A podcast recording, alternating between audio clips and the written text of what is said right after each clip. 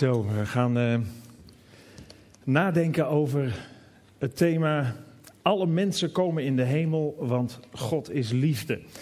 Thema in de serie Broodje Aap verhalen. Dus verhalen die worden verteld en ja, die voor waar worden doorgegeven, maar waarvan het zeer de vraag is, is dat wel zo?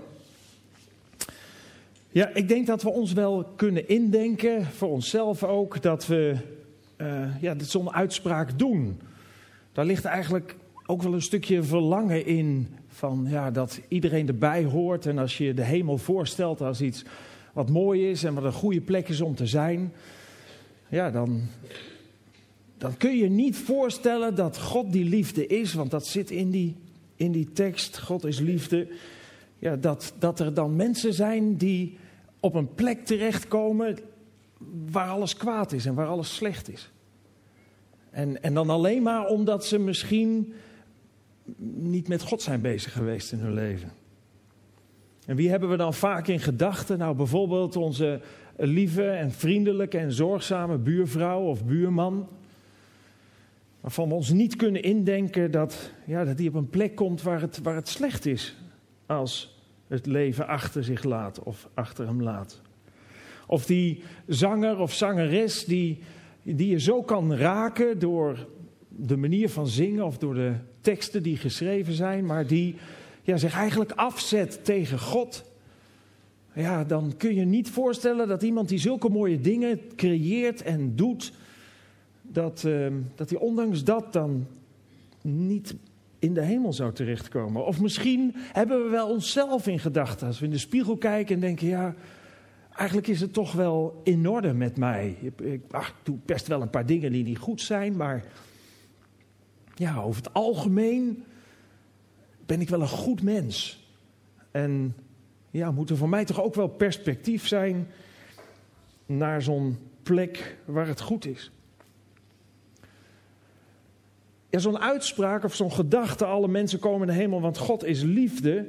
Ja, dat wordt wat lastiger als we bedenken dat onder alle mensen, als je dat zou willen of zou denken, ook de verkrachter van je dochter kan zitten. Of dat ook iemand als Hitler of welke andere machthebber dan ook die vreselijke dingen heeft gedaan, daarbij zou kunnen zitten. Of dat ook die buurvrouw of buurman die je al zoveel jaar het leven zuur maakt, daarbij zou zitten dat dat daar ook weer je buren zijn. Wat is eigenlijk de hemel? Er zitten een aantal onderdelen in, die, in, die, in dat broodje aap verhaal en die titel. Alle mensen komen in de hemel, want God is liefde. Waar ik wat op zou willen inzoomen. Om over na te denken, wat bedoelen we nou eigenlijk als we die dingen zeggen? Wat is nou de hemel? Nou, als we naar films kijken, als er wat over de hemel laat, laten zien, dan zie je altijd zo'n heel fel verlichte omgeving met, met, met wolken en, en mensen in witte klederen. Alles heel sereen en, en rein. En ik denk dat als je daarover nadenkt en het idee hebt dat je daar je leven uh, of na je leven zou moeten zijn, dat je misschien wel zoiets hebt nou, dat ziet er best oerzaai uit. Ik zou me daar niet zo heel lang uh, prettig voelen misschien. Maar zo ziet de hemel er ook niet uit, denk ik. En er is gewoon geen enkele plek in de Bijbel die zo spreekt over de hemel. De hemel is in wezen een omstandigheid, een situatie, nog meer dan een plek, waar Gods liefde centraal staat. Als er een plek is waar Gods liefde centraal staat en waar God alleen aanwezig is, dan kun je spreken van de hemel. De aanwezigheid van God en de afwezigheid van het kwaad is een situatie, een omstandigheid die je de hemel zou kunnen noemen. En ja, daar hoef je helemaal niet ver weg te zoeken. Je zou kunnen denken aan deze aarde waarop wij leven. Als op deze aarde God centraal staat en zijn liefde en het kwaad is afwezig, dan is dat al een hemelse situatie. Dan hebben we geen politie meer nodig en geen leger. En we hoeven geen sloten meer op de deuren te hebben. We zullen nooit meer angst kennen, ook niet als het donker is of als je geluiden hoort of wat dan ook. Er is dan ook geen geldzucht meer en al dat soort dingen. Het staat in de Bijbel, geldzucht is de wortel van alle kwaad. Dus er komt een heleboel uit voort, maar dat is er dan niet meer. Dus zijn er ook geen kinderen meer die hun eten op een vuilnisbelt bij elkaar hoeven te scharrelen. Dus gaan we verantwoord om met de natuur en wint niet de winst, de financiële winst, maar wint de zorg die we hebben om de aarde. Er zullen dan ook gerust computers kunnen zijn, daar is niks mis mee. Maar geen computervirussen meer bijvoorbeeld. Nou, dat is al een hemels idee als je dat niet meer hebt. En dat, zo'n plek waar het goede en waar God aanwezig is en waar het kwade afwezig is, dat is in wezen hetgene wat Gods woord, wat de Bijbel in het vooruitzicht stelt voor iedereen die daar wil zijn. En de Bijbel helpt ons ook een beetje om daar een voorstelling van te maken. Natuurlijk spreekt de Bijbel niet over, over computers en vliegtuigen en auto's en dat soort dingen. Soms veel meer beeldend. Maar wat de Bijbel zegt over die tijd die aanbreekt over de grens van de dood heen, daar kun je wel een voorstelling bij maken. We lezen bijvoorbeeld in het laatste Bijbelboek: Ik hoorde een luide stem vanaf de troon die uitriep: Gods woonplaats is onder de mensen. Hij zal bij hen wonen. Zij zullen zijn volk zijn en God zal zelf als hun God bij hen zijn. Dat betekent als God onder het volk is, kan er geen kwaad meer in de omgeving zijn. Hij zal alle tranen uit hun ogen wissen. Er zal geen dood meer zijn. Geen rouw, geen jammerklacht, geen pijn. Want wat er eerst was, is voorbij. En die situatie die eerst was, is de situatie waarin wij leven, waar het kwaad aanwezig is. Een andere voorstelling voor wat er over de grens van de dood wacht en hoe we dat ons moeten indenken, zien we in een Bijbelboek wat al 700 jaar voor Christus werd geschreven. Daar staat: De wolf is de gast van het lam. De panter legt zich neer naast het bokje. Kalf en leeuwenwelp groeien samen op. Een kind zal ze hoeden. De koe en de beer doen zich samen te goed. Hun jongen liggen bijeen. De leeuw eet hooi als het rund. De baby speelt bij het hol van de slang. De kleuter steekt zijn hand in het nest van de adder.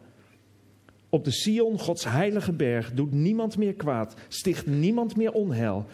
Zoals de zee vol is met water, zo zijn de mensen vol van de Heer. Allen erkennen Hem. Het is heel moeilijk om hier een plaatje bij te vinden, maar ik denk dat dit, dit zou je ongeveer zo, geen gevaar, hoef je geen zorgen over te maken. Er is geen dreiging meer. Dat is wat God in het vooruitzicht stelt voor iedereen die daar wil zijn. Die in die hemelse omstandigheid wil zijn. Die omstandigheid die je als hemels kunt beleven en omschrijven. En dat is iets voor ons, zoals we hier zitten. We leven allemaal voor de toekomst.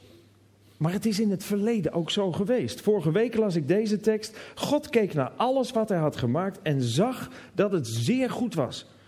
Het werd avond en het werd morgen, de zesde dag. Dus het is begonnen met een hemelse omstandigheid. Waar het kwaad geen onderdeel was van de schepping van God. En het zal ook worden zoals God het van origine heeft bedoeld. Voor iedereen die daar wil zijn. En als we nu leven en in de wereld kijken, dan weten we dat de omstandigheden hier op aarde niet echt hemels te noemen zijn. Althans, sommige momenten wel. Misschien als je gaat wandelen bij mooi weer in de prachtige natuur, dat je even zoiets hebt van: wauw, hemels, de warmte van de zon. Of als je kijkt naar je kind wat ligt te slapen dan kun je even zo'n fractie, zo'n moment hebben waarop alles klopt. Het is altijd maar heel even, helaas. Of andere omstandigheden waarin je zegt: Het is zo mooi en het klopt. Dan zie je eigenlijk een stukje van de hemel. Je ziet eigenlijk een stukje van Gods bemoeienis en aanwezigheid hier op aarde. Maar we zien ook de hel op aarde. Om ons heen kijken, misschien maak je zelf een situaties mee waar, waarin je zegt: Ik leid een helse pijn. Of ik ben door een hel gegaan. Situaties, omstandigheden die zo moeilijk, zo zwaar zijn. Dat je geen enkel idee meer hebt van hemel. Omstandigheden in de wereld. Situaties in de wereld waarin je daarnaar kijkt en zegt: Dit is de hel op aarde. De wereld waarin wij leven draagt de kenmerken van hemel en hel. En als God zich helemaal zou terugtrekken van deze wereld, van de huidige wereld waarin we leven, dan zijn we in de hel beland. En als er in deze wereld geen kwaad meer zou zijn, gewoon in deze wereld waarin we leven, dan zouden we de hemel op aarde ervaren.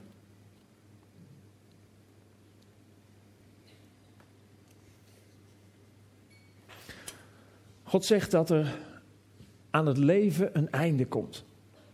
En de statistieken tonen nog steeds aan dat het aantal mensen wat op zeker moment sterft voor zijn 130ste 100% is. Dus er is niemand die langer leeft. 114 overleed afgelopen week de oudste mens op aarde. Veel ouder worden we niet. Het is zeker dat we rond of ruim voor die tijd komen te overlijden. En wat lezen we dan in de Bijbel? Eens moeten mensen sterven en daarna volgt het oordeel. Wat is dan het oordeel? Is het oordeel een moment waarin je opsomt al de goede dingen die je hebt gedaan in het leven en dat aan de ene kant in de, in de, weegschaal legt? En alle dingen die niet goed zijn aan de andere kant in de, in de weegschaal worden gelegd. En dan wordt gekeken of de meter doorslaat naar de kant van de hemel of de kant van de hel. De plek waar God aanwezig is of de plek waar God afwezig is. Los en buiten God. Of is het zo dat je net zoals in het dramastuk een tas vol altijd bij de hand moet hebben, altijd moet bedenken dat je voldoende goede dingen hebt gedaan om uiteindelijk de balans door te laten slaan naar de goede kant. Nee, dat oordeel gaat eigenlijk nog een stukje dieper. De hemel is namelijk alleen toegankelijk voor hen die zonder zonden zijn. De hemel is alleen toegankelijk voor hen die zonder zonde zijn. Nou zeg je dan, uh, zijn we snel klaar. Dan wordt het daar heel erg rustig.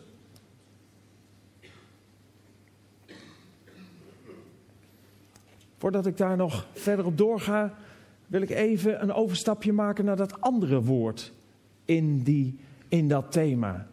Liefde. God is liefde. Alle mensen gaan naar de hemel, want God is liefde, zeggen we. Wat is dat eigenlijk, liefde? Is dat wat wij in films tegenkomen? Is dat liefde? Of alle andere dingen die we hebben en zien rondom de liefde? Nee, de Bijbel geeft eigenlijk een prachtige omschrijving van de kenmerken van liefde. En als die kenmerken van liefde in je leven um, functioneren, dan komt daar een heleboel moois en goeds uit. Je zou kunnen zeggen, als iedereen op aarde volgens de kenmerken van liefde zouden functioneren, dan zouden we al een stukje hemel op aarde krijgen. Wat zegt Paulus daarover? Hij zegt, de liefde heeft lange adem. Kenmerk van liefde. Geduldig betekent dat. Goede tieren is de liefde. Dat betekent vriendelijk. Niet afgunstig. Niet jaloers. De liefde praalt niet. Eh, de liefde heeft geen grootspraak. Blaast zichzelf niet op. Heeft niet een enorme eigendunk. Een, een groot, te groot ego. Gedraagt zich niet grof. De liefde is niet kwetsend, betekent dat. Zoekt zichzelf niet. De liefde is niet egoïstisch, de liefde is gericht op het geluk van de ander. Liefde raakt niet verbitterd. Je zou kunnen zeggen, het kwaad kan in de liefde niet aarden, kan geen grond krijgen. Je kunt er geen wrok laten ontstaan. De liefde is geen boekhoudster van het kwaad. Wat inhoudt dat de liefde vergevingsgezind is. De liefde is niet verheugd over het onrecht, maar verheugt zich over de waarachtigheid. De liefde gaat voor rechtvaardigheid en waarheid. Alles bedekt zij. En dat betekent niet, zoals wij willen zeggen, we moeten de dingen bedekken met de mantel der liefde. Nee, soms moet dat helemaal niet, want zachte heelmeesters maken stinkende wonden. Maar dit betekent bedekken in de zin van beschermen. Het Griekse woord wat hier staat, wordt ook gebruikt als er wordt omschreven hoe een, hoe een hen haar kuikens onder haar vleugels neemt.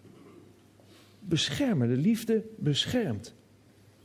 Tegen alles in gelooft zij, in alles hoopt zij. De liefde ziet altijd perspectief, altijd een lichtpuntje.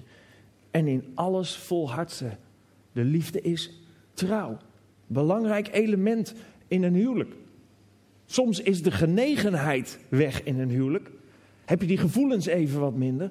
Maar liefde is trouw. En trouw zorgt dat die gevoelens ook weer terug kunnen komen. Dit is omschrijving van liefde.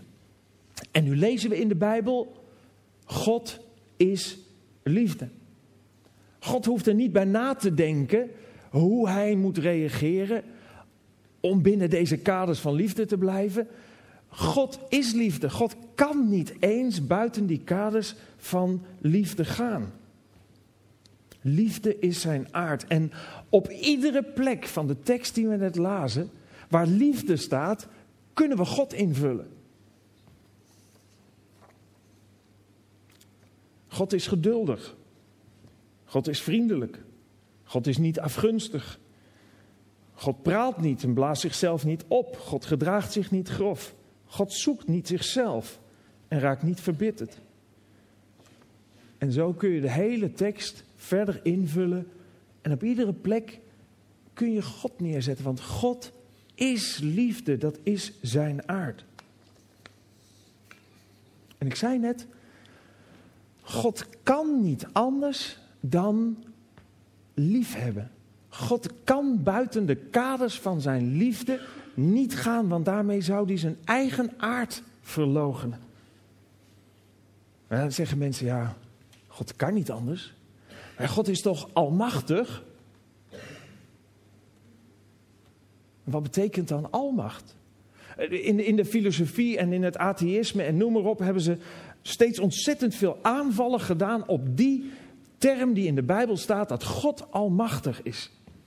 En hebben ze van allerlei creatieve dingen bij verzonnen. Zeiden bijvoorbeeld vanuit de filosofie, zeggen ze, als God almachtig is, kan hij dan een steen maken die hij zelf niet heffen kan, die hij zelf niet kan optillen?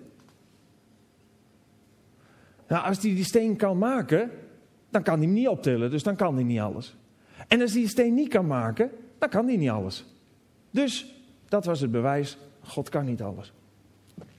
En ik denk, moet je daar nou zo ingewikkeld over doen om te ontdekken dat God niet alles kan? Dat staat gewoon in de Bijbel. Er staat bijvoorbeeld in de Bijbel: God kan niet liegen. Dat kan hij niet. Dat is buiten zijn aard. Het gaat buiten de liefde. En hier zien we nog een hele opsomming. God kan niet stoppen met van mij houden. God kan mij niet vergeten. God kan mij niet bedriegen. God kan zijn verbond niet breken. God kan zichzelf niet tegenspreken. En dan eindigt die hele opsomming, er staat nog veel meer, met: Maar God is wel almachtig. En almachtig betekent niet dat je alles kunt. Almachtig betekent dat God alle macht heeft. Dat Hij boven alles staat. Dat er niets is wat boven God staat. Hij heeft alle macht. Maar hij kan nooit buiten de kaders van zijn liefde gaan.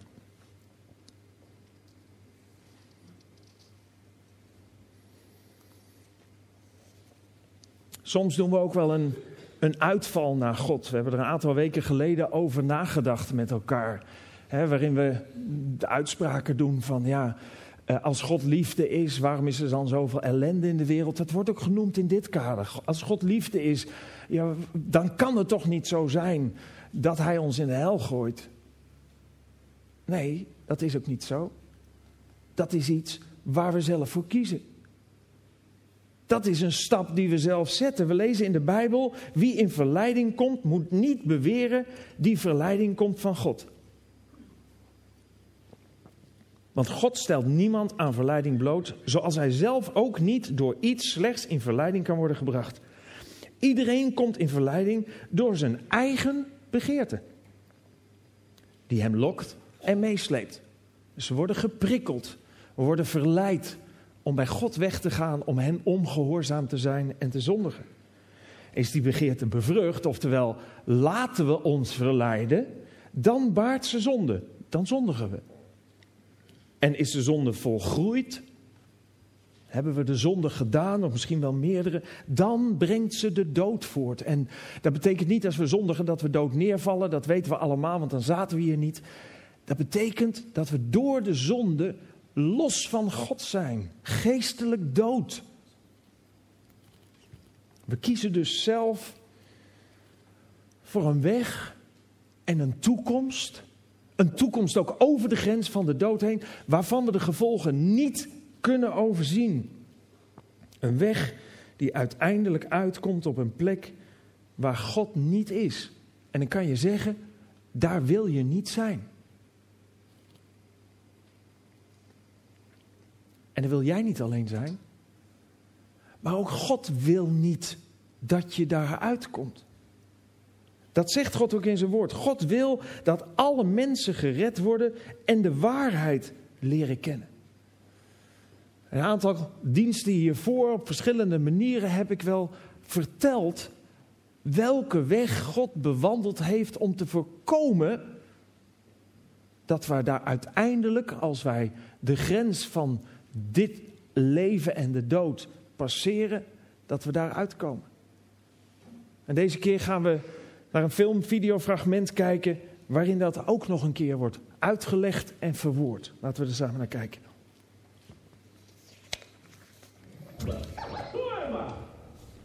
What is the purpose of my life on, my life on this planet? Many go through life unfulfilled unfocused, searching. A blank canvas waiting for a picture of purpose to be painted on us. Does it all mean? It was once said that there is a God shaped blank in all of us. We look for many things to fill this friends, fashion, false faith, fornication, and the facade of drug induced fantasies. But follow me. Follow me to the edge of an abyss where deep down inside we all know something's missing.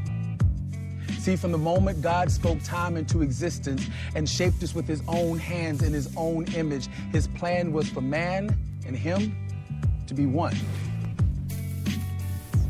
Creator and creation communing together in beautiful harmony. Sounds perfect, right? So, what happened? Sin. We're, we're, we're, sinners by nature. Sin opened this void. Sin drove us away from our friends. Sin separated us from Him. And for many centuries since, we as human beings have attempted to bridge this ever widening gap with philosophies and religion, wealth and so called moral decisions. But the divisions became more instilled, uh, that God shaped hole in our hearts still unfilled, and mankind seemed doomed. Until for unto you is born this day in the city of David a Savior, which is Christ the Lord. Ye shall find the baby wrapped in swaddling clothes lying in a manger. Oh, but this wasn't no ordinary baby. See, he grew into a boy, then a man, then a preacher, leading a multitude of people with radical and really off the wall teachings like love your enemies, bless those that curse you, turn the other cheek. He's the greatest teacher that ever was. But this was no ordinary preacher. See, the wages of sin is death, but the gift of God is eternal life through Jesus Christ. So for our sins, he had to pay the price. They put nails in his hands. Betrayed and denied. They hung him high and stretched him wide on a cross for you and I. And over 2,000 years ago, spiked through his side. The Son of God our lamb slain before the world began, died. One of the most agonizing physical deaths that a person can suffer. They buried him in the tomb of a friend. But for three days, his mother cried.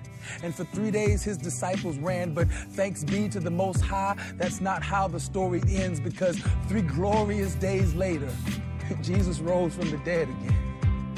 Oh, but this just wasn't any ordinary sacrifice because he became the way, the truth, and the life. And we now have a way through the Father through him. Uh, through the cross, uh, we're now able to get across that great divide caused by sin, uh, separating us from him. And he's calling us, but we've got to come. See, the choice is still ours, but he has provided all the love.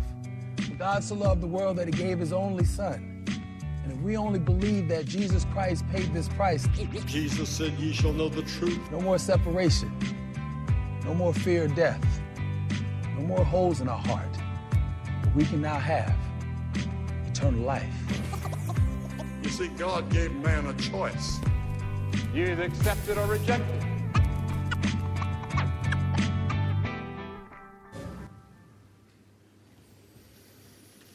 Ja, dat is geweldig nieuws. Dat God de weg heeft vrijgemaakt om terug te keren. De mogelijkheid heeft gecreëerd om van dat pad waarop we zijn, wat uitloopt in verschrikkelijke omstandigheden, dat Hij een weg terug heeft gecreëerd. En je kunt alleen nu, hier en nu in dit leven bepalen. En je weet nooit hoe lang dit leven duurt. Waar je in de eeuwigheid zult zijn. Altijd van God gescheiden. Of voor altijd bij God. En er is geen tussenweg. Er is geen grijs gebied. Er is niet van, ja maar daar heb ik niks mee en daar heb ik niks mee. We lezen in de Bijbel over de liefde van God, maar ook over het feit dat het de ene of de andere kant is. Want God had de wereld zo lief, staat er, dat Hij zijn enige zoon heeft gegeven, opdat iedereen die in Hem gelooft niet verloren gaat, maar eeuwig leven heeft. God heeft zijn zoon niet naar de wereld gestuurd om een oordeel over haar te vellen, maar om de wereld door Hem te redden. Over wie in Hem gelooft, wordt geen oordeel uitgesproken. Maar wie niet in Hem gelooft, is al veroordeeld, omdat hij niet wilde geloven in de naam van Gods enige Zoon. Iedereen die het offer wat de Heer Jezus Christus bracht voor jou en mijn zonde, aanneemt uit zijn hand en Hem gehoorzaam wil zijn, voor die wacht de hemel zegt de Bijbel. En voor een ieder die het afwijst, die zegt ik heb het niet nodig of ik wil het niet, of ik wil er niks mee te maken hebben, wacht een plek waar God ontbreekt. Waar geen liefde, geen warmte, geen vrede is. En denk niet dat God er wel voor zal zorgen dat het goed komt, ook al maak je geen keuze. Juist omdat God liefde is, kan Hij niets voor je doen als je het offer van de Heer Jezus Christus niet aanvaardt. Dat kan niet omdat Hij niet buiten de kaders van Zijn liefde kan gaan. En het feit dat Jezus Christus voor ons is gestorven, dat is hetgene wat God heeft gedaan om ons te redden van de doodlopende weg. Ik zei al eerder, de hemel is alleen toegankelijk voor hen die zonder zonde zijn. En dat is precies wat gebeurt wanneer je het offer van de Heer Jezus Christus aanneemt. Dan aanvaard je dat Jezus is gestorven voor jouw schuld, voor jouw zonde. En daarmee verdwijnt de aanklacht die er tegen jou is. Jouw zonden zijn dan daadwerkelijk weg. Je, bent, je komt rein voor God te staan. En de situatie die Paulus hier omschrijft, geldt dan ook voor jou wanneer je die keuze in je leven maakt. Paulus zegt: Je was dood door je ongehoorzaamheid aan God. En de macht van de zonde leefde nog in je. Maar nu heeft Hij je samen met Christus levend gemaakt en al je overtredingen vergeven. Hij heeft ons strafblad dat tegen ons getuigde, de lijst met regels waaraan we ons niet hebben gehouden, verscheurd. Hij heeft je strafblad verscheurd. Dat betekent hetzelfde als je voor een rechtbank komt en het Openbaar Ministerie moet de aanklacht voorlezen en zeggen: Er is geen aanklacht. Dat bewijs heeft hij vernietigd door het aan het kruis te slaan. Op die manier ontnam God de duivel en zijn trawanten volledig hun macht. Hij heeft hen in het openbaar te kijk gezet en daarmee laten zien dat zij door het kruis van Christus overwonnen en verslagen zijn. Dus wanneer jij het offer van de Heer Jezus Christus aanneemt, wanneer je aanvaardt dat niet jij de prijs kunt betalen met alle goede werken die je ook probeert te doen in je leven, je kunt nooit recht maken de breuk die tussen God en jou is ontstaan. Als jij dat offer van de Heer Jezus Christus aanvaardt, ben je zonder zonde. En blijf je zonder zonde, zelfs als je daarna nog dingen fout doet. En sta je, als je dit leven achter je laat, voor Gods troon met een rein hart en een rein geweten. En God heeft geen rek in zijn moreel. Dat hebben wij wel. We hebben kennis van goed en kwaad. We kunnen keuzes maken die tussen, tussen die twee, maar God is alleen goed. En God heeft binnen die kaders van zijn liefde de rechtvaardigheid gekozen. Want door de zonde zijn we veroordeeld tot de dood. De zonde brengt de dood voort. En aan de andere kant heeft God binnen de kaders van zijn liefde, door genade en barmhartigheid, gekozen om zelf de prijs te betalen van de zonde die ons zouden moeten worden aangerekend. Alles binnen de kaders van de aard van God, van zijn liefde. Eens moeten mensen sterven en daarna volgt het oordeel. Ben jij er klaar voor om God te ontmoeten?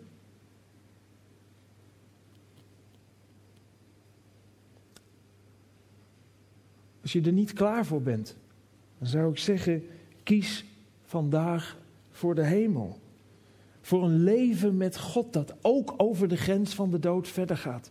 Kies vandaag ervoor om het offer wat de Heer Jezus Christus voor jou heeft gebracht, uit zijn hand aan te nemen. Hij biedt het je aan. Jij mag het aannemen. Ontmoet vandaag de liefde van God en de hoop voor de toekomst door de Heer Jezus Christus.